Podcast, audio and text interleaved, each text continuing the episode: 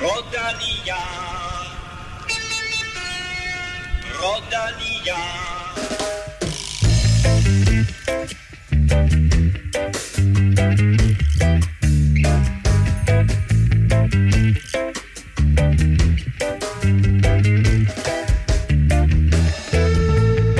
Kan Jonas Vingegaard tage tyren ved hornene og vinde sin anden Grand Tour i træk? Det ved vi først om tre uger, men i dag kommer vi svaret lidt nærmere i vores Vuelta a España optakt. Og dermed velkommen til mine to tyrefægtere, Kim Plesner og Stefan Johus. Tak for det. Og nu har vi selvfølgelig fokus i dag på øh, Vueltaen, men ikke en Velropa podcast, Stefan, uden en dansk sejr. Nej, vi, øh, vi har jo gjort det rimelig godt i øh, ungdommens Tour de France, hvor at, øh, vi har haft øh, en dansk etapsejr, øh, faktisk to, men øh, Anders Folle han vandt øh, første etape, og Danmark vandt holdtidskørselen og har dermed øh, føretrøjen på danske hænder i øh, Simon Dalby, som er vores øh, kaptajn og bjergrytter. Ja, faktisk overtog Karl Frederik Bevorgio øh, føretrøjen efter tidskørselen, og Ja, så netop. fik Simon Dalby trøjen i går. Præcis. Og øh, nu efter femte etape, så går vi ind i det bjergrige terræn, så det bliver spændende at se, om, øh, om Simon Dalby han kan, kan holde den hele vejen, eller i så fald, hvor langt han kan gå. Men det er jo kæmpestort, og øh, vi ved, at, øh, at Simon Dalby er vores bedste kort i bjergene, så øh, vi har formået at få ham frem til, øh, så, så langt, øh, så godt. Øh, nu bliver det spændende at se, øh, om, han kan, om han kan holde det. Og føretrøjen har hele vejen igennem Tour de l'Avenir været øh, på røde-hvide hænder. Mm. Der var godt nok lige et enkelt polsk flag imellem, men ellers så har det været dansk, dansk, dansk. Så øh, rigtig, rigtig øh, stærkt kørt af de unge danske rytter. Og Kim, vi vil godt sætte næsen op efter øh, mere dansk jubel. Sådan, øh, vi- der kører så, hvad skal vi kalde det, et par af de øh, store, små øh, etabeløb her for tiden. Ja, jeg vil sige, Mads P. er jo med i, i Tyskland rundt. Og øh, desværre så blev han slået med, et- lidt med lige godt et sekund i går af Ethan Vernon på, på prologen. Og, øh, og i dag blev han faktisk sat. Altså det troede jeg slet ikke kunne ske for, øh, Men han er i for dårlig Mads form. P. Ja, lorteform. øh, hvad hedder det? Øh, ej, sådan lidt kuperet øh, terræn til sidst, og så øh, Ilan van Wilder overtog så føretrøjen via sin etappesejr fra holdkammeraten Ethan Vernon, så de dominerer lidt øh, quickstep dernede. Og, øh, og så må vi se, må ikke Mads P. han kommer igen og, og, og snupper lidt i- senere i løbet. Og så Askren var blandt favoritterne øh, på enkeltstarten i dag i, i det der Renevi-tur, som jo er det gamle Bing Bang Tours, eller Tror ikke, det er- Enico Tour, som er det, som Det er er, det helt Bing gamle. Bang Tour, som Altså, blev sådan, Saxo et eller andet tur. det, det der øh, René, det er sådan noget genbrug, tror Det er noget ikke? genbrugs, Tror ikke, det er noget øh, Renewy? Nå, det kan godt være, ja. Men nu Nej, er det, det, hedder. Renevi. Man ved aldrig, når det er Holland og Belgien. men, øh, men, ikke det, men det er jo øh, det er jo den her Van Fleet familie jo, der, der, der, der har det løb nu, eller har Renevi øh, virksomheden. Og, øh, og det, øh, jeg fortsætter med at kalde det Renevi.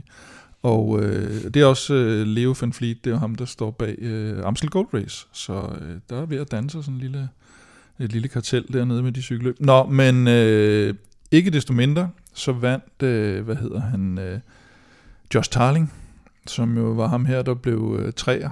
En lille smule overraskende til VM og var lige ved at, at, at slå de store drenge. Ah, ja, det altså. Han, øh, han, han vinder ret suverænt enkeltstarten i dag. Askren bliver, de kan ikke helt blive enige om, at han blev 5 og 6, kunne jeg se på en, på en live-opdatering, fordi han er i samme tid som Florian Vermeersch. Og så øh, Mikkel Bjerg omkring nummer 8, og, og, og Price 15, og Søren Krav 20. Så vi er godt med fremme, men havde måske sat næsen op efter lidt mere. Men vores fokus i dag er som sagt på Vueltaen, hvor vi skal omkring favoritterne, ruten og danskerne. Du kan høre fra Kasper Pedersen, øh, som vi har med lidt senere. Og så kan du også glæde dig til et godt tilbud fra Airbag-hjelmen Høvding. Men først en kæmpe tak til alle jer, der lytter med, og naturligvis en gigantisk tak til alle 10 støtter. I er årsagen til, at vi kan blive ved med at udkomme. I dag trækker vi noget om en kop som så vanligt, og så fem gange guld plus hold til holdet DK's Vuelta-spillet. Tak til alle, der støtter, og velkommen til TKJ, Magnus, Niklas og Annie Birgitte. Og husk så også vores shop, hvor vi jo for et par øh, måneder siden lancerede månedens t-shirt, og der er blevet solgt nogle få hister her og så videre. Men i den her måned, Stefan, der skal jeg love for, der er der sgu gang i den. Ja, det er det. Nå, jeg vil bare have til at sige, du ved, Pogacar, du ved, og uh, I'm gone, I'm dead, uh, og så videre. I'm going on dead. Ja, altså, øh, jeg vil sige, øh, det er jo, det er jo som vi, som vi har snakket om, både kendetegn for, øh, for det var fedt, at Pogacar han sagde det, men øh, det betyder også, at der var øh, dansk succes. Så, øh, men fed t-shirt. Fed t-shirt. Og så passer det også til, tror jeg, mange motionister, som, øh, som en gang imellem kan, kan have lidt den samme fornemmelse som Pogacar. Jeg tror bare, jeg skal have en. Uh, hvad, og, øh, og så vil jeg lige sige, der er kun syv dage tilbage til at købe, øh, til at købe den, fordi det er som sagt månedens t-shirt. I dag er 24. august, og den eksisterer altså kun ind til og med 31. august, så du har syv dage til... Skal vi så lave uh, I'm Dead, I'm Gone? To. ja, det er den godt. Det er den med Justin Timberlake, ikke? Den omvendte. Jeg, jeg, jeg, jeg vil lave en eller anden Justin Timberlake joke, men det kommer kommer ikke til dig. Du finder shoppen på velropa.dk. Mit navn er Claus Elming, og du lytter til Velropa Podcast, præsenteret i samarbejde med Høvding. Det er nok næppe gået nogens næse forbi, at Jonas Vingegaard kører med i årets Vuelta, og ham kommer vi til at tale meget mere om senere. Men først tager vi lige et kig på de andre danskere i årets øh, sidste Grand Tour. Andreas Kron fra Lotto Destiny, Julius Johansen fra Automarché Circus Wanty og Kasper Pedersen fra Sudal Quickstep. Stefan, først og fremmest, Andreas Kron, ham kender du rigtig godt. Hvad bliver hans rolle i Voltaen? Jamen, øh, han får en fri rolle, og øh, hans øh, helt store mål, det er jo at, at vinde en etappesejr. Øh, der er rigtig mange øh, muligheder for ham, så, så det bliver rigtig spændende. De kommer med et relativt ungt hold, og øh, tror alle sammen kommer til at køre sådan rimelig frit. Øh, men jeg tror, at de kommer til at køre aggressivt, og så håber jeg på, at øh, Andreas Kron, han bliver ligesom... Nogle gange, så man kan godt blive kaptajn i et udbrud. Øh, det har vi set før, ikke? hvor der er nogle af de, nogle af de andre, der kan man sige, tager føringerne. Der er en, der slapper lidt mere af, eller der er en, der prøver at rykke tidligt for at sætte de andre under pres og sådan. Så jeg håber egentlig, at han bliver, kan man sige, en form for kaptajn for dem i udbrudene. Men øh, ja, og der kommer, vi kommer lidt tilbage til, til, til ruten senere, men der er altså en hel del af de her uh, kuperede etapper med afslutninger, som måske passer til, uh, til Andreas. Julius Johansen kører med for, for sit hold, Anton mm. Marché. Hvad skal vi forvente af ham? Jamen, øh, vi skal forvente, at han kommer til at lave en masse hårdt arbejde. Øh, men øh, egentlig så håber jeg også lidt på, at han kan komme ud og øh, baske lidt med vingerne selv, fordi at, øh, jeg tror, han har brug for at øh, vise sig lidt frem og få... Øh, sikre sig en øh, professionel kontrakt for næste år, fordi at, øh, det er jo hans øh, sidste eller kan man sige, øh, kontraktår er han i, og øh, jeg synes ikke rigtigt, at han har lavet kan man sige, øh, det store personlige resultat siden sin tredjeplads på prologen i Tour Down Under, øh, som er ved at være lang tid siden nu. Så det vil falde på et tørt sted, øh, og et rigtig godt tidspunkt, hvis man kan lave noget øh, under Vueltaen, fordi at, øh, det er nu, at det er ved at være tid til at, at sælge sig selv, hvis man ikke allerede har en kontrakt. Og så har vi øh, Kasper Pedersen, som jo øh, blev skulderskadet i forår, brækket kravbenet øh, til, til, til DM, eller forår, for her i forsommeren. Øh, nu er han tilbage, og øh, han virker til at være øh, tilbage i topform allerede. Får han muligheden undervejs af Quickstep? Det ville undre mig meget. Ellers så skal der nok gå noget galt med Remco i hvert fald, hvis, øh, hvis han skal have lov til noget. Det, det, det hele det handler om, om, om Remco på det hold, som udgangspunkt i hvert fald. Men jeg tror, han kan blive en vigtig spiller i, øh, eller spiller, men han kan i hvert fald blive en vigtig faktor. Ikke en spiller, altså. i, i holdtidskørselen, som, øh, som vi jo lægger ud med. Øh, han er en, en stabil og god rytter i, i den disciplin. Og, øh, og så tror jeg også, han kan blive sådan lidt en, han er vant til at køre lead-out og har en, en god teknik og kan måske lige hjælpe på et lidt svagt punkt for Remco der. Men, øh, men det, vi kan også spørge ham selv jo. Det kan vi, fordi øh, Kasper kan du høre fra øh, lige om lidt, når vi har ham med øh, direkte på telefon. Men først, der skal vi. Quiz. Og efter sidste uge, der har du bragt op over nummer to, Kim. Den mm. farligste føring. Det står 22-20. Til gengæld så ligger serveretten hos dig, Stefan og så kan du bestemme senere, om du vil svare først, eller du vil lade Kim svare først. Men øh, spørgsmålet i dag øh, er sådan lidt, kan vi sige, lidt fremadskuende, øh, forstået på den måde, at hvis nu Primoz Roglic, han skulle gå hen og vinde Vuelta a España, så vinder han både Giroen og Vuelta a España samme år. Mm. Hvem er den seneste rytter, der har gjort det? Hmm. Ja. Det tror jeg, vi har haft før. Det tror jeg ikke. Øh, er, spørgsmålet, er spørgsmålet forstået? Ja, tak. Ja, ja. Ja, ja. Godt. Så har jeg kun én ting til jer to, og dig, der sidder og lytter med. Lad nu være med at google. Og så har vi Kasper Pedersen med på telefon direkte fra Barcelona. ¿Cómo estás, señor? Estás muy bien, gracias. ¿Y tú? og hvordan går det med kravbenet? Det går rigtig godt. Øhm, jeg kiggede faktisk lige i kalenderen her, mens jeg var på massagebriksen, præcis hvor længe siden det er, og det er, det er 8,5 uger siden, så, øh, så der burde heller ikke være mere risiko for at, at lave noget øh, forkert med den, så det er, det er positivt. Det er jo din første Grand Tour siden 2020. Øh, er du klar til øh, tre ugers strabasser? Ja, jeg kørte også i 21, men jeg mistede sidste år, ja, det er rigtigt. Så øh, jeg er spændt på at køre en Grand Tour igen. Um, det er jo så halvandet år siden, føler jeg, og det er det vel egentlig også. Så, øh, jeg, jeg, så er det en meget god følelse. det er en god følelse. Jeg har altid en god godt feeling. Det er også det, jeg er udtaget på. Så. Ej, jeg, jeg glæder mig sindssygt meget. Det er fedt at få en Grand Tour i løbet af sin sæson her. Um, også med henblik på næste sæson er det fedt at have, have kørt en Grand Tour, så, så jeg er rigtig glad for at komme med på til holdet her. Det bliver også, øh, ja, der er masser af spændende opgaver forud, så, så det er ikke bare øh, en Vuelta. Og hvad bliver din rolle helt præcist? Jamen, det bliver meget øh, lidt hen af at være oppasser, hvad kan man kalde det, lidt bodyguard for, for Remco og generelt for, for bjergdrengene. Så, så når der er de her positionskampe ind mod bunden er vigtige stigninger, der, der kommer jeg til at have en vigtig rolle i, i det. Og så også generelt til at få hele tiden have et halvt øje på, på Remco sidder i feltet, hvis der er lidt vind. Trække den lidt ud, så han sidder oven i lag, og hvis han skal stræbe på naturens veje, så venter jeg med ham og kører tilbage og så videre. Så, så bliver meget at hjælpe, hjælperytterarbejde, men, øh, men også sådan med ekstra øh, fokus, fordi at det betyder rigtig meget, hvor mange kræfter jeg kan hjælpe ham til at spare. En af de andre ting, du måske også er udtaget på, det er vel også i forhold til holdtidskørselen. Øh, hvordan ser du den? Ja, altså det, det er bestemt noget, jeg har haft øh, meget erfaring med tidligere og godt kan lide, så jeg glæder mig sindssygt meget til, til at køre den. Især også fordi det starter i Barcelona, øh, helt inde i, i centrum af Barcelona. Øh, så først og fremmest bliver det en vanvittig spektakulær oplevelse øh, en stor oplevelse, tror jeg. Øh, og så er det også en disciplin, jeg synes er sindssygt fed. Det der med, at du kører hele holdet, og alt skal fungere, og man skal ligesom prøve at køre så stærkt som muligt, selvom niveauforskellen er, eller der er niveauforskel på holdet. Så, så det, ja, det er disciplin, jeg er helt vild med, og så øh, især fordi den er også meget vigtig for, for os med henblik på Remkos klassement, at vi, at vi kører et virkelig god holdtidskørsel.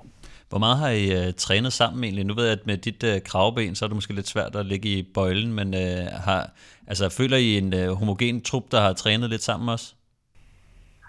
Ja, altså det er jo ikke nogen hemmelighed, at, at de drenge, der er her udover jeg, de har trænet mere sammen. Jeg har, de har været på højt træningslejr og så videre, mm. og også trænet det sammen, øh, hvor jeg kommer sådan, hvad kan man sige, lidt ind fra en anden kæde. Lidt mere ind fra en sprinterkæde og, og Belgien rundt, og egentlig også den trup, der var til turen, kæden. Um, så, så jeg har ikke kørt så meget ind med dem med holdet, men vi skal også køre øh, en træning i morgen, hvor vi også gennemgår teknikkerne.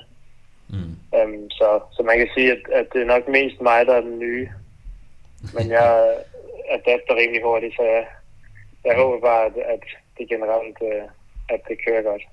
Nu er du måske nok den, den nye øh, i den her trup, men du har jo så fået den der bottler-rolle, du lidt beskriver for, for Remco. Betyder det så også, at øh, de lader dig køre først over stregen, hvis nu I skulle være så heldige at vinde på lørdag?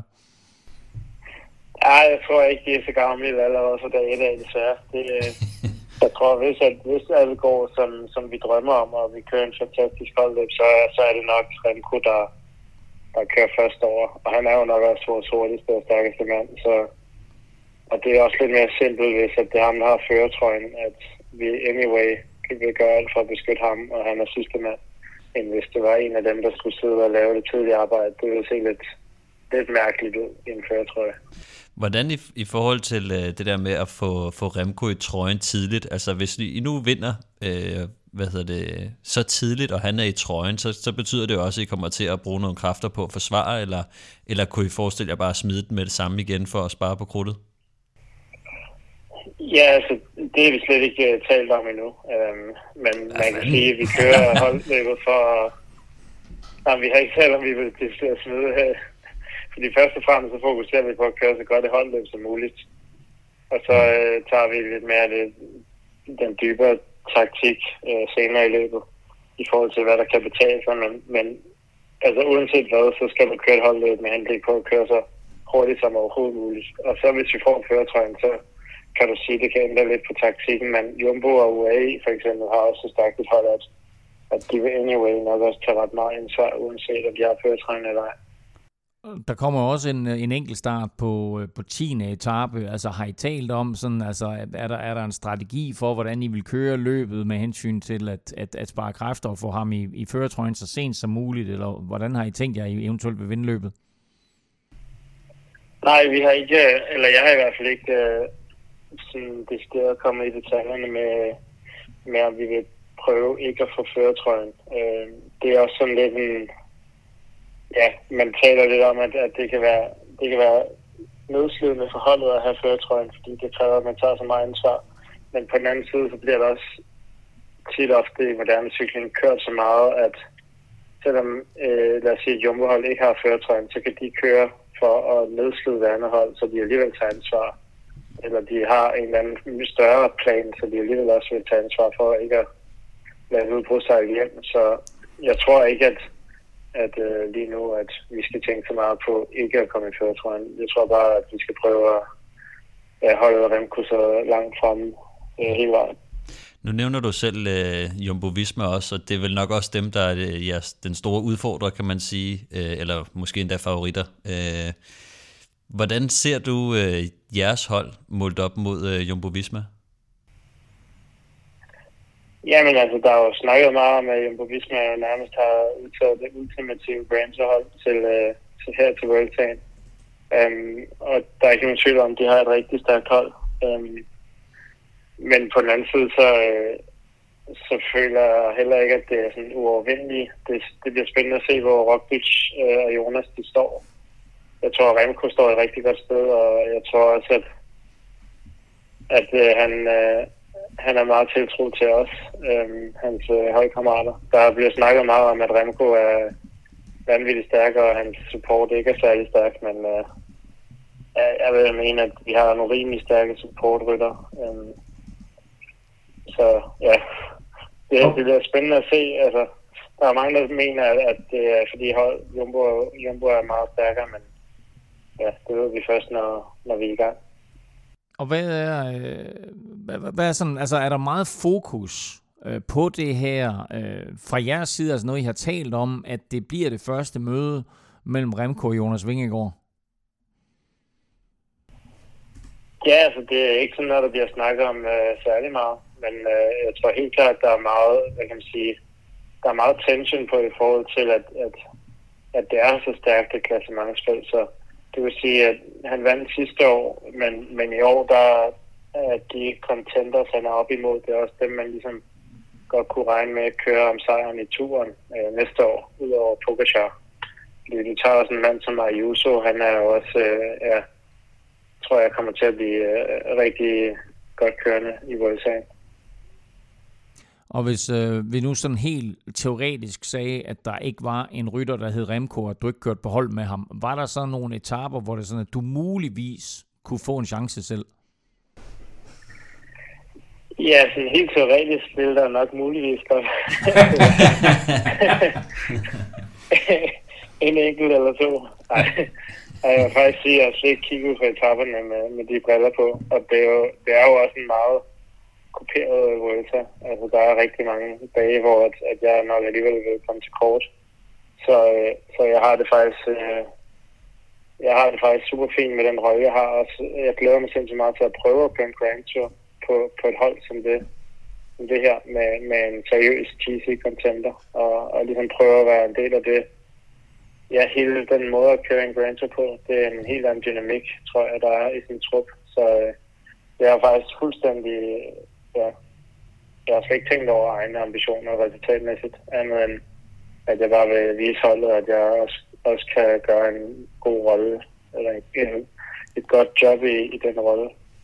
Det er fedt, Kasper. Vi glæder os til at uh, se dig. Altså, når vi kigger på Remco, så ser vi dig lige ved siden af. Selv når det sådan, at han træder af på naturens vegne, så ser vi dig. Hvis der skulle være en etape, hvor at jeg kunne uh, være lidt fræk, så uh, måske Madrid. Det ville da være løgn, hvis jeg hvis jeg ikke sagde, at jeg har drømt lidt om, at vi kom til Madrid og, at det hele var gået godt, og så fik jeg lov at køre på sidste omgang.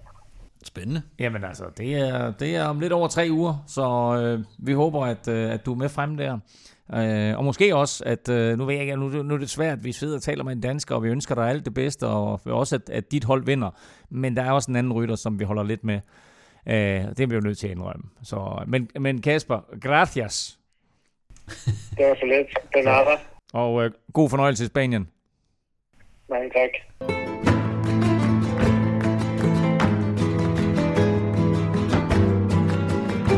22 hold og 176 ryttere stiller til start på lørdag, når Vuelta a España for blot anden gang og første gang siden 1962 begynder i Barcelona. Tre uger og 3.154 km strabasser ligger forude, blot fire flade etaper, en holdtidskørsel, en enkelt start, fem kuperede etaper og ni etaper med mål opad, inklusiv mål på toppen af både Tourmalet og Angliru. Inden vi skal tale favoritter, danske som udenlandske, så lad os lige kigge nærmere på øh, Vuelta-ruten, og lad os indledningsvis, Stefan, fokusere på de første tre etaper, der er meget varieret, og som øh, vi lige har talt om her, begynder med en holdtidskørsel på lørdag i Barcelona.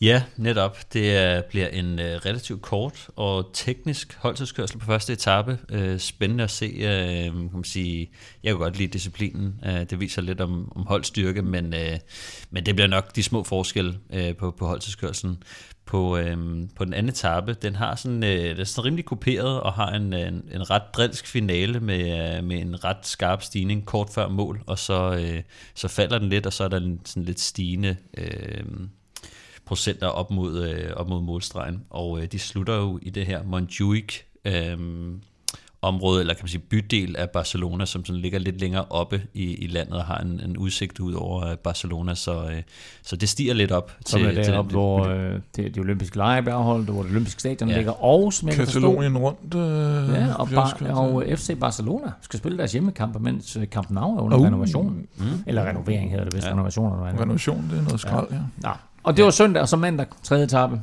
Der, øh, der kommer der en, en bjergetap allerede. Øh, det, bliver, det bliver ret vildt. De kommer til at køre ind i Andorra og køre... Øh, de slutter af med to stigninger, der begge er omkring øh, 8 km, lidt længere end 8 km.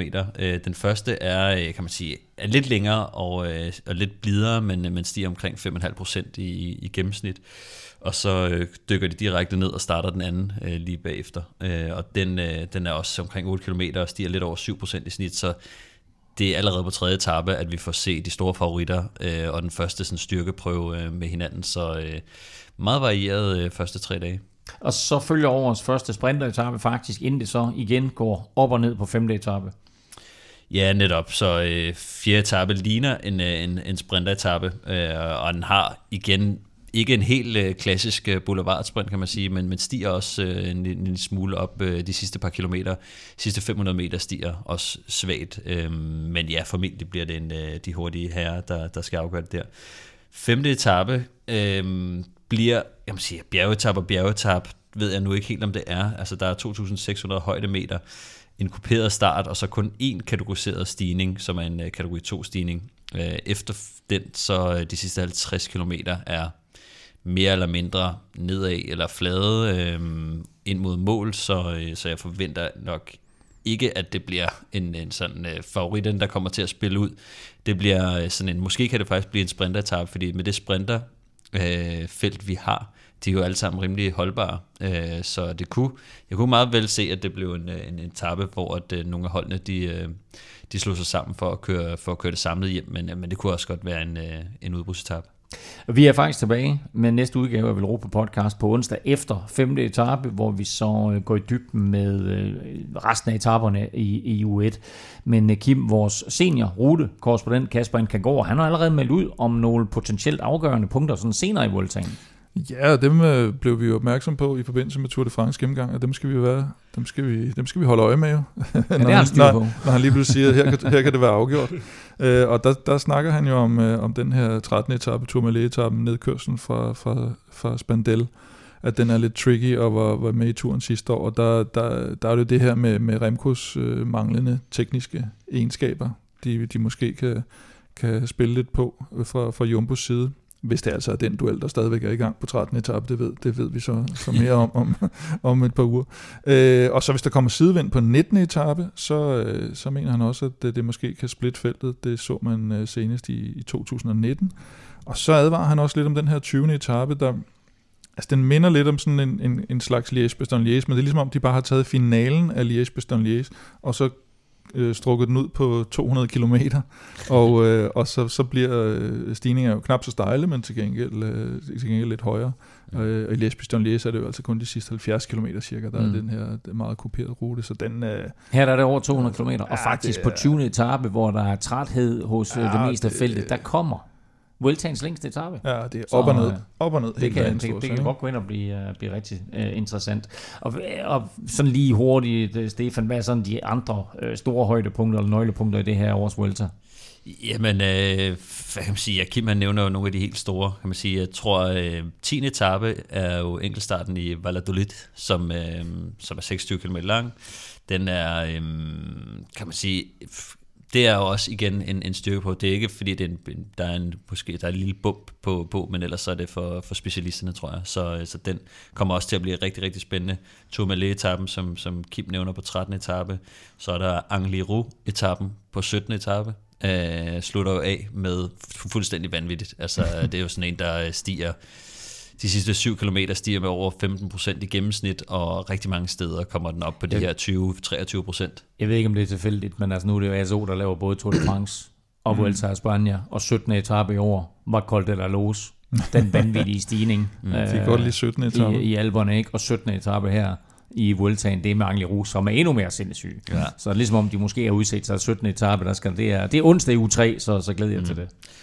Ja, og så altså 20. etape, som Kim også lidt, lidt nævner her, altså den ser bare øh, vildt øh, sjov ud, fordi på det her tidspunkt, så, tro, så tænker man jo, at nu er klassementet rimelig sæt, men øh, det bliver spændende. Der er, altså, der er 10 kategoriserede stigninger, øh, så de er alle sammen kategoriseret som træer, ja. så øh, ikke nogen, der sådan, kan man sige, enkeltvis burde skabe meget skade, men øh, 208 kilometer, op og ned hele dagen. Hvis der bliver øh, angrebet fra starten der, eller kørt stærkt fra starten, så kan det blive sådan en af de der ja, latterligt ledige etapper. Jeg har sådan altså. lidt uh, for fornemmelsen af, nogle gange så har vi set det der uh, Paris-Nice for eksempel, den måde, mm. de slutter af på med 8. etape ja. der, ikke, som, hvor det bare sådan er, det ligner ikke meget, men det er bare totalt shake-up i klassementet ja. alligevel. Øhm, så øh, ja, jeg tror, det bliver en, eller det bliver en vanvittig øh, spændende finale. Passer perfekt ind i Jumbo Vismas øh, strategi med akkumuleret træthed. Er du sindssygt? Der kan, de kan nærmest akkumuleret træthed bare på en enkelt etape. Ja, lige præcis. Ja. Lige præcis.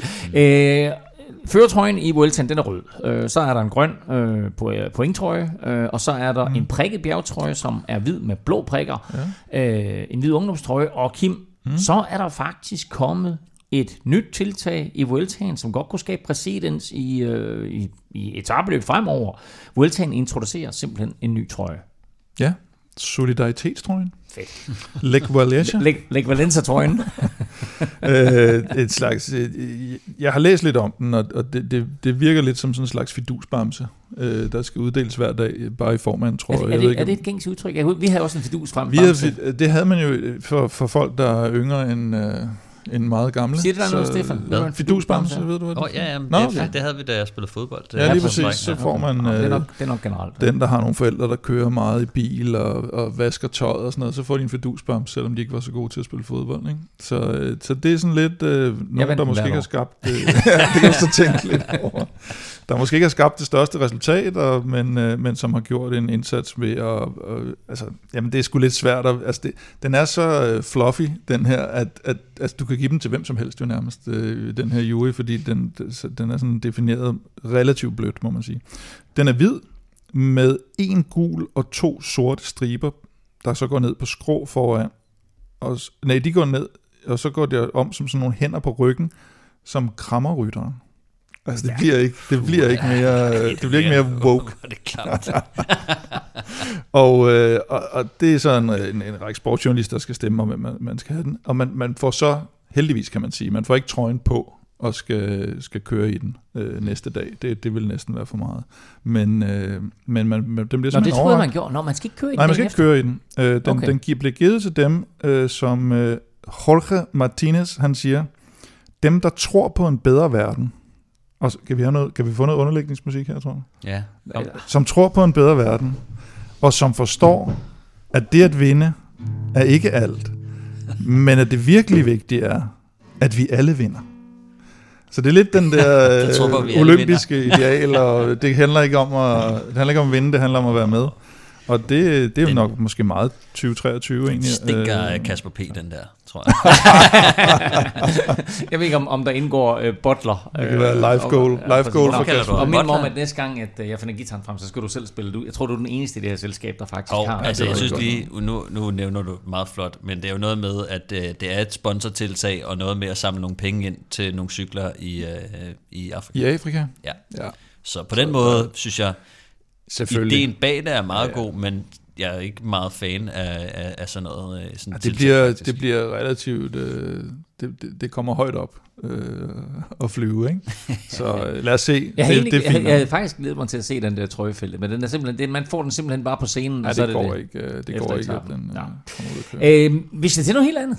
Øh, fordi vi skal tale om, øh, altså øh, feltet har selvfølgelig en chef, og den chef, det Mm. er Jonas Vingegaard. Men, jeg ved ikke om der er en høvding i det felt, men nu skal vi tale om høvding hjelme, altså den her airbag øh, hjelm, fordi for nogle uger siden, der kunne du vinde sådan en, en høvding airbag cykelhjelm, og nu er vi faktisk glade for at have høvding med som partner i, øh, i løbet af Vueltaen her. Og Stefan, det hele det startede jo sådan set med, at du købte en høvding, da vi havde vores samarbejde med Rådet for Sikker Trafik for, øh, øh, ja, for nogle uger siden, eller for et par måneder siden.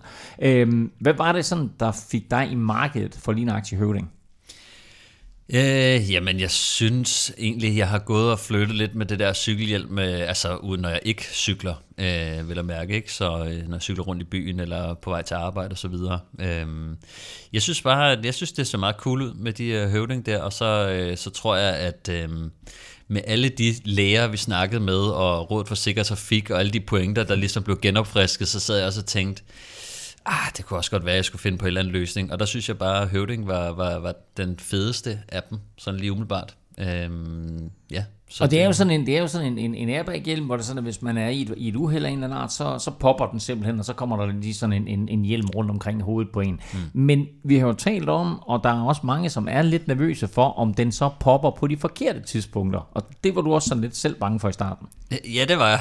Altså, jeg, jeg var meget nervøs, øh, da jeg bare tog den på og tændte den. Øhm, men altså, inden, øh, da jeg havde købt den, og øh, der, der, der tjekkede jeg en hel masse videoer og læste en del om det, for ligesom at berolige mig selv, fordi at, øh, jeg turde nok, dårligt nok tage den på, af frygt for, den, øh, den sprang. Øhm, men altså, jeg så, det, det jeg så til det der, der skal sgu meget til, og øh, den, den, den springer så kun, hvis man er på vej i asfalten, mere eller mindre. Så, øh, så det er ikke sket for mig endnu, og, og man kan godt køre op og ned af en kantsten, og, og alle de der ting, som, som jeg også selv tænkte. Altså, øh, og jeg vil også indrømme, at øh, de første mange ture, da jeg havde den på, der, øh, der trillede jeg øh, ned af kantstenen, og øh, jeg turde ikke, at, jeg turde ikke at vende hovedet for hurtigt og så videre, men, øh, men der, der, der er ikke sket noget, man kan sådan... Et langt stykke hen ad vejen, så, så, så tænker man ikke over det længere. Men lad os så sige øh, 7 9 13 at, at man, er, man er i et uheld, og den rent faktisk fungerer og popper, som den skal. Mm. Er det så one off, så, så har man brugt den hjelm? Øh, ja, måske lige den, men altså, øh, hvis, den, øh, hvis den springer, så øh, altså, uden at man styrter, kan man sige, øh, og det, det, det er et uheld på den måde, så, øh, så, øh, så dækker øh, høvdingsgaranti faktisk inden for, for de første to år. Øh, så der kan man gå ind i høvding-appen og, øh, og melde om det, og så, øh, så får man altså en ny. Men øh, jeg tror, det er mere sådan, hvis, man, hvis det er en, en uheld eller en fejl, at den, øh, den springer. Ikke? Øh, hvis man er ude for et uheld, så, øh, så er det ens egen forsikring, der, der dækker en ny høvding, og øh, der kan man måske lige tjekke sin police, men øh, jeg ved i hvert fald, at øh, min forsikring dækker, og øh, der er flere forsikringer, der øh, og mange af de store øh, er begyndt at dække øh, de her øh, høvding. Så hvis man er ude for et uheld, og den springer, så får man også øh, den erstattet. Og hvordan, hvad hvis man er på racercykel eller mountainbike, kan man så også godt bruge sådan en? Nej, eller det kan man godt, men, øh, men der dækker øh, garantien så ikke. Øh, jeg tror også, det vil se lidt mærkeligt ud, hvis, øh, hvis rytterne er kørt rundt med, med, med høvding på. Øhm, men det kan være en dag. Det kan være, det at, bliver øh, fremtiden. Det kan Altså, være, lad os sige, der, der har Droner været mange andre høvding. kommercielle tiltag, som jo godt kunne være, du ved, at nu skal vi, nu skal vi have høvding ind på et, på et hold, eller et helt felt, eller et eller andet. Hvad var det, de der lånecykler hed med de blå dæk der? Det så man så Jumbo købe. Swap Swap feet. Swap Swap feet, feet, sådan ja. der var. ja. Det kan være, at høvding de gør sit indtog en dag. Nu må vi se. Øh, I forbindelse med Vuelta a España, der har vi faktisk et rigtig godt tilbud til dig, for du kan nemlig få 15% i rabat på køb af en høvding. Øh, Airbag-hjelm, hvis du bruger koden VELOROPA på deres shop, det er vel at mærke VELOROPA med ene store bogstaver, så gå ind på shop.høvding.dk, og øh, hvis du køber en hjelm derinde, øh, så får du altså 15% i rabat ved checkout, hvis du bruger koden VELOROPA. Og øh, nu kan I to godt spænde hjelmen, og dig derude for en sags skyld, fordi bum bum. For nu skal vi tale Vingegård og vinderchancer. Øh, der er jo sådan på forhånd to mandskaber, måske tre, der kan vinde øh, årets Vuelta. Kasper var også lidt inde på det. Øh, Jumbo Visma, Sudal Quickstep og så UAE. Og lad os først lige tage et kig på, øh, på, på de tre, og så måske lige hive fat i et par af outsiderne bagefter. Vi lægger naturligvis ud med Jumbo Visma, og ikke mindst Jonas Vingegaard. Hvordan ser hans hold ud? Det er stærkt. Øh, det ser godt ud på papiret i hvert fald. Øh, Udover Roglic, der jo er, co-kaptajn øh, med, med Vingegaard, så har de øh, for tredje gang i år Sepp Kuss med. Og han plejer at være garant for, at, øh, at de vinder. Øh, man vinder en Grand Tour, når han er med på holdet. Og, og hvis de vinder den her Grand Tour, så er det jo den tredje, de vinder i år. Roglic tog, øh, tog Giro, Jonas tog øh, turen, og så hvis de vinder den her, så er det første gang nogensinde, at det samme hold vinder øh, de tre øh, Grand Tour. Og det er også I samme år. Øh, samme, øh, og det samme gør sig også gældende for, for Sepp Kuss selvfølgelig, at han så bliver den første, der, der prøver det. Øhm, og så derudover så har de øh, Vilko Kelderman og Dylan van Barle, der også var med i Tour de France. Så har de Attila Walter, som man mest måske så i foråret, blandt andet i, øh, hvad hedder den, øh, Strade Bianche, hvor det så lidt sjovt ud, da ham og øh, Thies Benot, de lå sådan næsten og jagtede hinanden, men han viste, viste sig rigtig stærkt på stigningerne der også. Og så har de øh, rutineret Robert Hessing med, og så Jan Tratnik, som er sådan en tempo-motor type, ikke? Som, øh, som også kan blive rigtig vigtigt, specielt på, på holdtidskørselen, og, og også øh, hvis der skal laves noget, noget hårdt arbejde på flad vej. Vi har nogle gange set, øh, hvad skal vi sige, hold komme med, med sådan en, en B-trup til Vueltaen, men Stefan, det her, det er jo et latterligt godt hold. Det er et latterligt godt hold, øh, det må man sige. Altså, øh, vi har set uh, Sepp Kuss og Vilko Keltermann, øh, de var virkelig stærke i, i turen og, og hjalp øh, Jonas Vingegaard der. Roglic er jo selvfølgelig også en stærk hjælperytter at have med, øh, eller co-kaptajn i hvert fald. Øh, ja, der er ikke så mange spørgsmålstegn ved, ved, ved det her hold. De er, de er super stærke. Øh, det, Det er, lige før det, det er lige før det er bedre end turholdet. Ja, altså jeg vil sige, det er, også, det er heller ikke et Mangler hold. lige en Wout van Aert, men udover det, så, så er det virkelig godt Så er de Roglic med i stedet. Ja. Ja. Så det, er ja, okay, ja. det er en okay Ja, altså, det er, så er der selvfølgelig også Laporte, kunne man sige. Ja. Ikke? Der er selvfølgelig stadig navn øh, med kvalitet, men øh, når man kigger ned over listen her, så altså selv hvis de mister en eller to mand, så, så er de stadig rimelig godt kørende. Ja. Øh, og der er heller ikke så mange spørgsmålstegn ved holdet. Det eneste, jeg sidder og tænker på, det er, altså, Tratnik, øh, altså han, han kommer jo tilbage nu her, efter en knæskade. Øh, han, han missede Giroen, som han skulle have været med i, på grund af han styrte under træning og sådan noget. Så han er måske, et, selvom han har kørt Vuelta a Burgos, øh, hvor han har klaret det fint, så, øh, så, øh, så altså, der er ganske få spørgsmålstegn. De, Og så, øh, altså, så har vi jo det her interne spil, fordi det er klart, at, at vi selvfølgelig fokuserer lidt på øh, det her første møde mellem Jonas Vingegaard mm. og Remco Evenepoel, og, og det måske på en eller anden måde er en forsmag på, hvad der venter i, i Tour de France i 2024. Men der er jo et internt opgør. Hvad hedder Jonas Vingegaard mod Primoz Roglic? Hvordan ser vi det? Jamen, altså, jeg ser det faktisk sådan lidt, at altså, Vueltaen er lidt Roglic løb. Altså, det, det er lidt hans løb. Og det, det, Nå, men altså, han, han, han, han kommer ikke med i Tour de France, vel? Han må, han må, han må nøjes med, Han har vundet det tre de gange. andre. Ja, han har, han har nemlig vundet det tre gange, og, og øh, han har lige vundet Burgos, og øh, alt andet lige har han haft en, en sådan mere clean forberedelse op til det her, hvor, han har, hvor Jonas jo, det er trods alt ikke så længe siden, han, han lige skulle gå dybt i Tour de France. Øhm, men Jonas er også Jonas, og de stiller jo ikke ham op for, at, at, at han bare skal stå og kigge på. Jeg tror til gengæld, at øh, hvordan de lige klarer det internt, det, det er måske, men, men at de kan bruge den, ligesom de gjorde i starten af turen sidste år, hvor de jo lavede det her 1-2 punch mod, øh, mod øh, Pogacar, der var ret succesfuldt og fik både trættet ham og, og smadret ham faktisk. og så kan man sige, så kan det være her i Vueltaen, at det, at det så er Roglic, der får, der får mere ud af det, og det er Jonas, der hjælper ham ved det. Eller det kan være, at det, det går ligesom dengang, at øh, det faktisk er Jonas, der så kører. Men, øh, men kun en fordel, at de for eksempel kan gøre det mod Remco.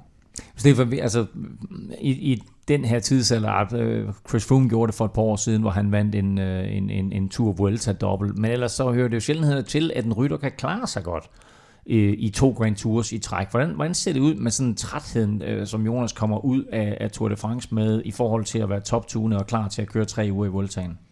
Uh, godt spørgsmål. Altså, jeg tror, at det kan godt lade sig gøre. Øhm, det kommer an på, hvordan man kommer ud af, af den Grand Tour, man har kørt.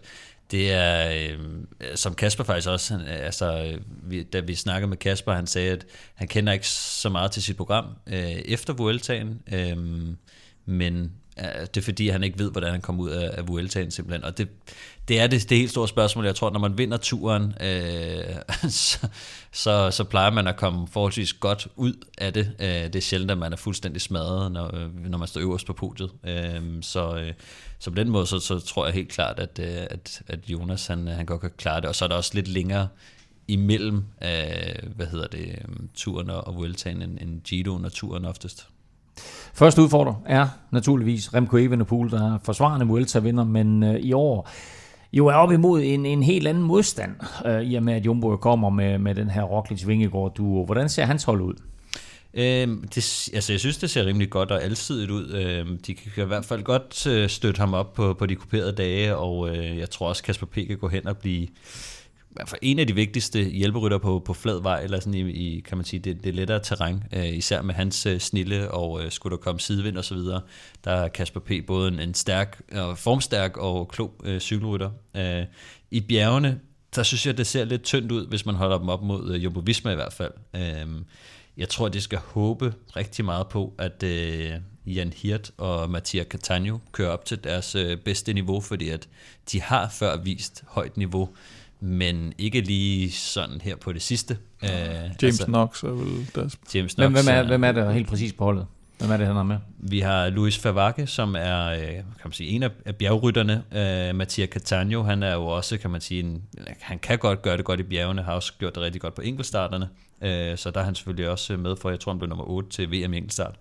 Uh, Andrea Bajoli er jo den her uh, meget alsidige, stærke, hurtige, hurtige, hurtige, hurtige type. Type. Uh, Jan Hirt er uh, bjergrytter, Uh, han var jo kom fra Intermarché sidste år, blev nummer 6 i Giroen, så en rytter, der har et rigtig, rigtig højt niveau, og, og derfor han er købt ind til holdet, men han har bare ikke vist det lige i år, så, uh, så det er et spørgsmålstegn. James Knox, uh, synes jeg, for mig er meget uh, svingende uh, rytter. Mm. Um, han, han kan på udvalgte dage gøre det rigtig godt, og, uh, ja. men falder også ofte igennem.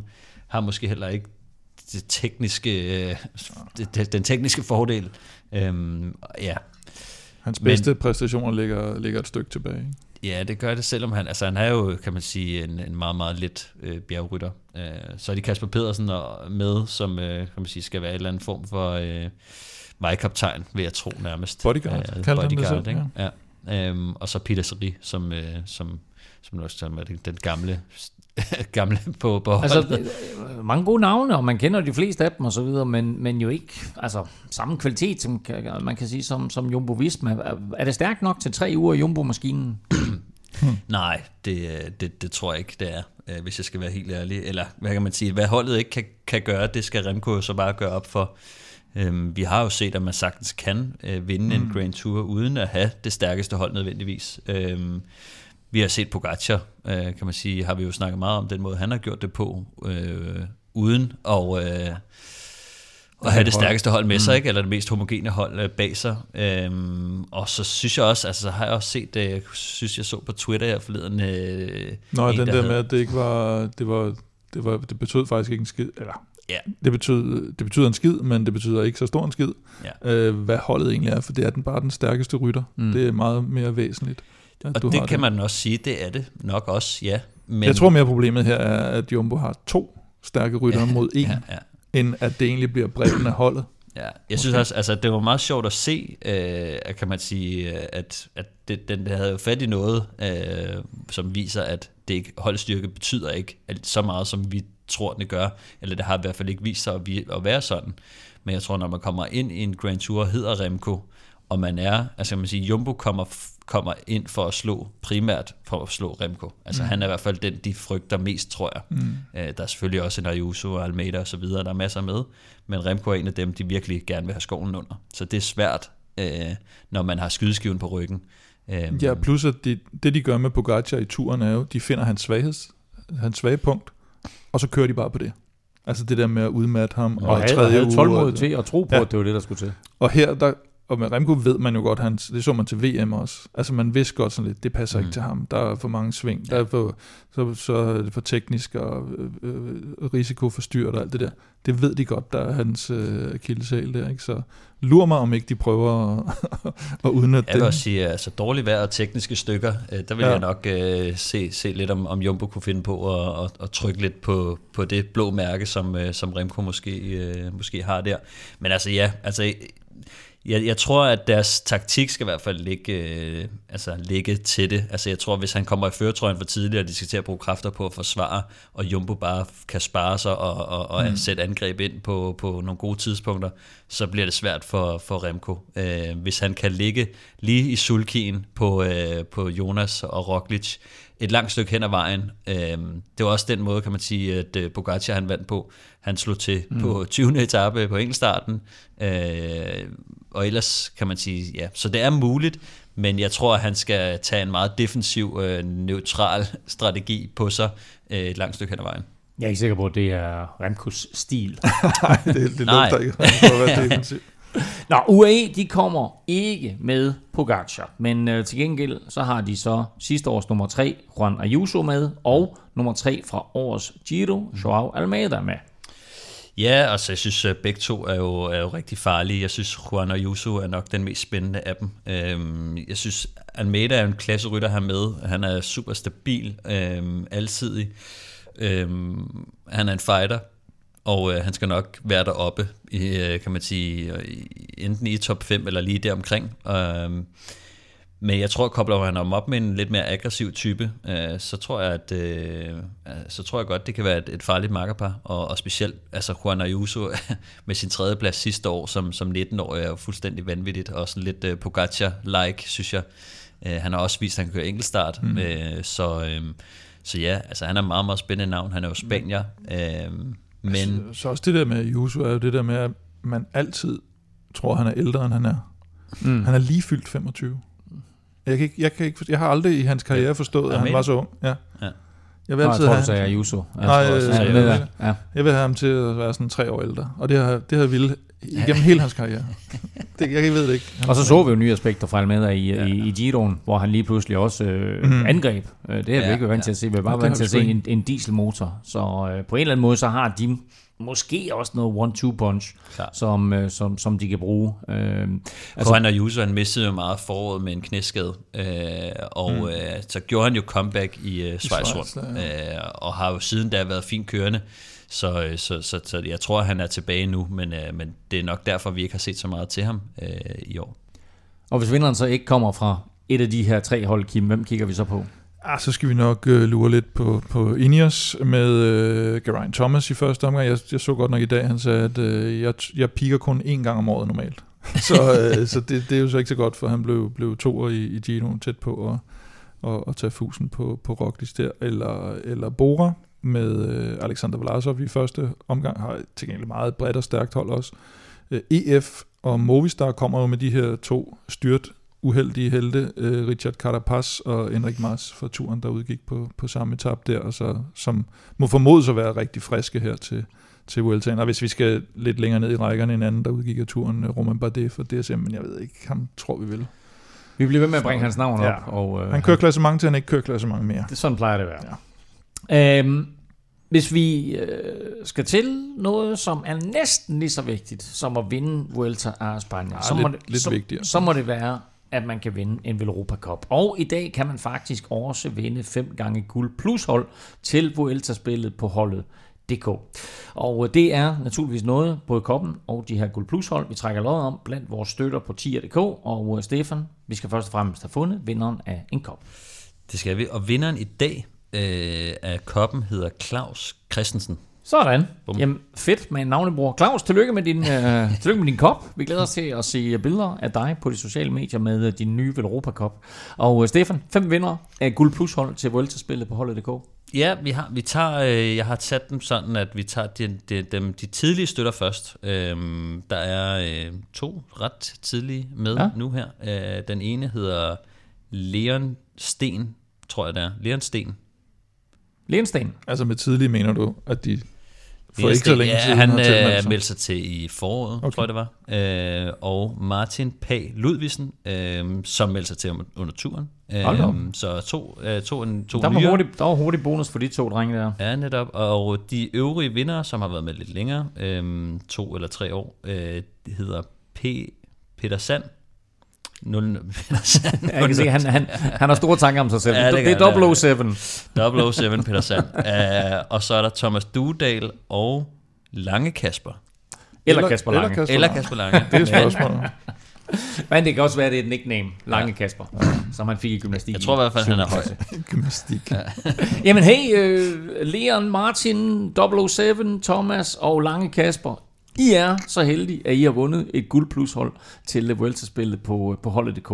Og øh, husk, at der her i løbet af Vueltaen kommer flere fede lodtrækninger, og øh, vil du være med i lodtrækninger om de forskellige præmier, så hop ind og støt os ind på 10.dk. Beløbet er valgfrit, og øh, når du øh, donerer, ja, så deltager du altså automatisk i lodtrækningen, og husk, at vi jo gør det på den måde, at for hver femmer, du donerer, der får du et lod i puljen, så jo større beløb, jo flere lodder, og dermed altså større chance for at vinde. Og øh, som du kan høre på Stefans lodtrækning her, der var altså et par stykker, som øh, er helt nye i vores lille 10'er-klub her, så man kan altså vinde, selvom øh, man melder sig til nu her. Og øh, der er naturligvis også øh, muligheder i løbet af Vueltaen, både for de nye og for de gamle til at vinde. Mange tak for støtten til alle, og tillykke til alle seks med jeres præmier. Vi har været øh, omkring de største favoritter i det samlede regnskab, men lad os lige få sat navne på sådan nogle af de andre hold og markante ryttere. Mm. Øhm, og lad os lægge ud med sprinterne, Stefan. Det er jo ikke fordi, de får så voldsomt mange chancer. Nej, det gør de ikke. Øhm, men, øhm, og det kan man også godt se. Altså, der, det, de fleste store sprinter, de, de kommer ikke til Vueltaen. Men der er dog et par stykker, som er hurtige. Øh, en af dem er Caden Groves, som vi så var flyvende i Giroen. Han tog øh, to tredjepladser og en enkelt tabesejr, før han øh, senere udgik med sygdom. Vi har en Brian Kokar med, som, som også var helt fremme i, i, i Tour de France. Dog uden at man sådan for alvor... Øh, han sneser lidt til point. Ja, han sneser lidt til point, mm. men han, øh, han blev trods alt øh, nummer tre i pointkonkurrencen, så han har været med fremme øh, i, i spurterne der. Gerben Tyson, som, øh, som jo fik lidt af et, øh, et, et gennembrud tidligere i år med, med sin sejr i Bredane Kokseide blandt andet, øh, men har i, altså kan man sige, i hvert fald sidste år i år hævet sit niveau til mm. ikke bare være en top 10 gut, men, men en, der faktisk også godt kan bide skære med, med nogle af de hurtigste på, på nogle dage i hvert fald.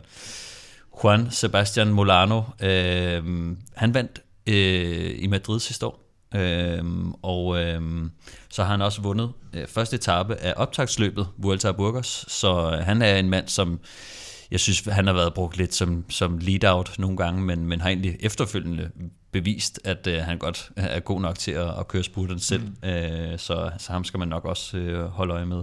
Marijn van den Berg øh, har taget øh, tre sejre i år, og det er også øh, de tre eneste, så øh, det er også et gennembrudsår for ham, kan man sige, kører for EF. Øh, han er måske lidt bedre i, i det hårde terræn, øh, det er i hvert fald sådan, han vandt sin seneste øh, etappesejr i, i Polen rundt, som nok også er den største så passer, sejr for ham. Så passer perfekt ind i Vueltaen. Ja, jeg tænker i hvert fald, at det kan man godt se. Så er der Alberto Dainese med, øh, som blandt andet har to øh, etappesejre i, i Giroen, som kører for, for DSM. Han er, han er også en af dem, som jeg forventer kommer til at være med frem. Og altså, det er jo for de fleste af dem, du nævner her, sådan forholdsvis øh, holdbare mm. øh, rytter. Er der, er der andre, vi lige skal have med, sådan, når vi snakker holdbare rytter? Ja, altså jeg synes, uh, Andrea Vendrame uh, er sådan en rytter, som, uh, som, som også er en darling i, i holdet, managerspillet, mm. synes jeg ofte. Uh, ellers uh, så er der Ivan Garcia Cortina, som jo også er en hurtig herre, men ikke en, man normalt tænker er sprinter, men, uh, men han er nok en, jeg tror, der kommer til at være med i, i nogle af finalen der. Man kan måske også lidt Hugo Hofstedter uh, som, som en af de hurtige, selvom han altså, han er også en af de, kan man sige, lidt mindre fysisk størrelse i hvert fald, øh, mindre sprinter. Og hvis vi så lige kigger nærmere på, hvad skal vi kalde dem, øh, udbrudskonger eller, eller andre ryttere, I glæder jer til at se, Kim? Ja, hvis vi taler udbrudskonger, så kommer vi jo nok ikke udenom uh, Thomas de Rent. Men, uh, men jeg, jeg synes, der er ved at være lidt længere mellem snapsene, og han laver mere sådan nogle, den der tur, han havde med Tim Vellen, så nu havde han også en eller anden, i stedet, var det i Mm. stedet for Tour de France, han skulle køre et eller andet fra et eller andet sted til et andet sted. Uh, så, så, Det lyder som en god tur. Ja, det lyder som en god tur fra, fra, fra et sted til et andet.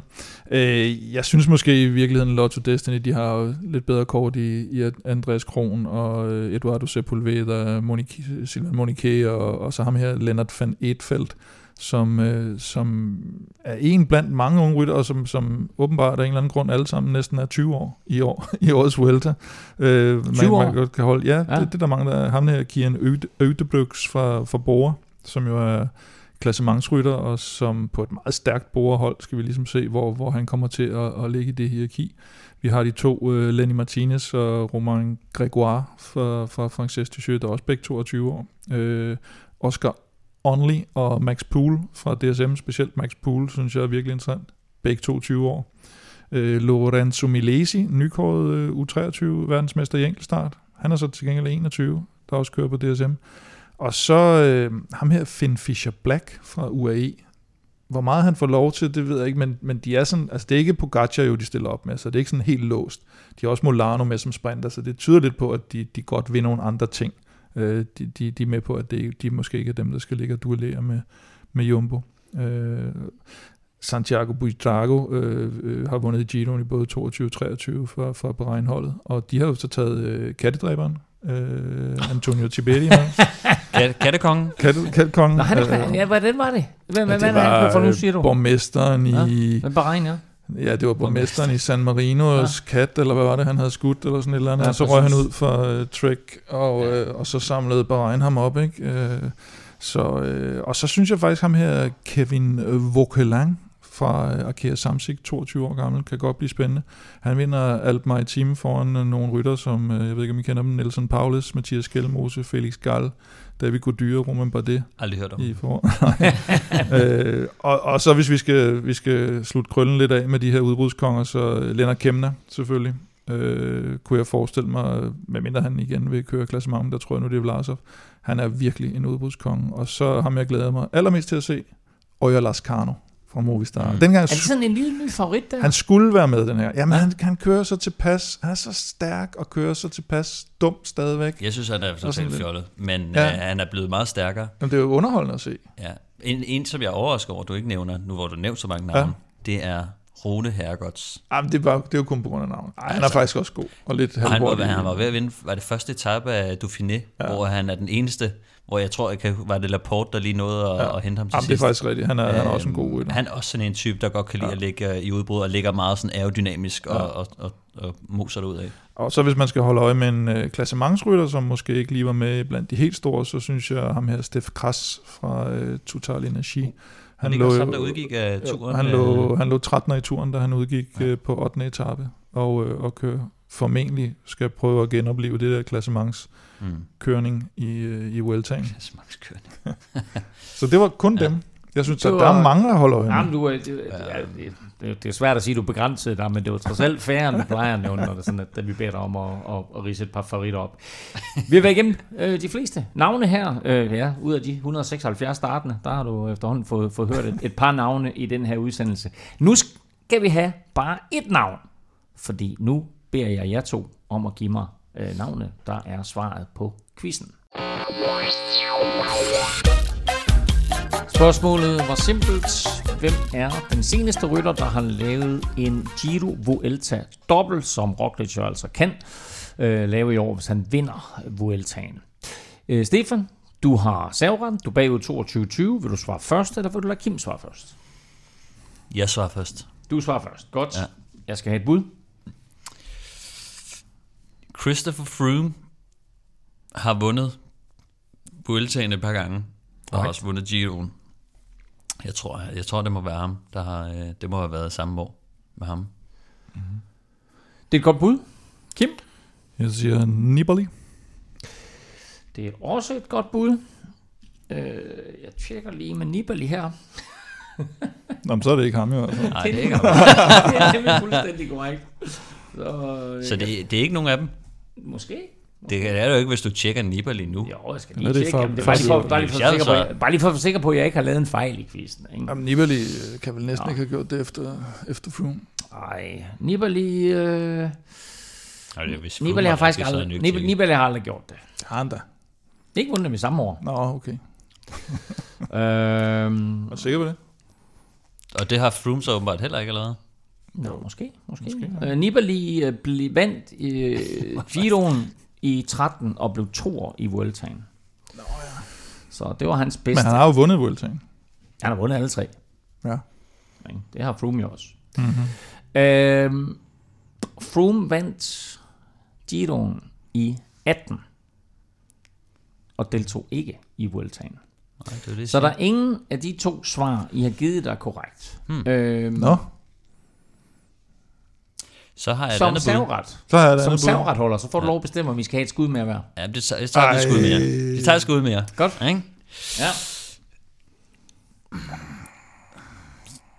Spanjakken, Alberto, Alberto Contador. ja, Ja. tænker jeg, han har også vundet begge to i hvert fald, ikke? Jeg tror også, han er en af dem, der har vundet alle tre. Har han ikke det? Åh, det Jo, har, det har han. har han ikke det. Nå, men så giver jeg et bud. Altså, siger du, du siger Contador. Jesse Contador. Godt. Så siger jeg Quintana. Quintana. Now, now we're talking. Se, i 2008, der havde Otte? vi... I 2008, der havde vi den samme vinder af Giro d'Italia og Vuelta a España.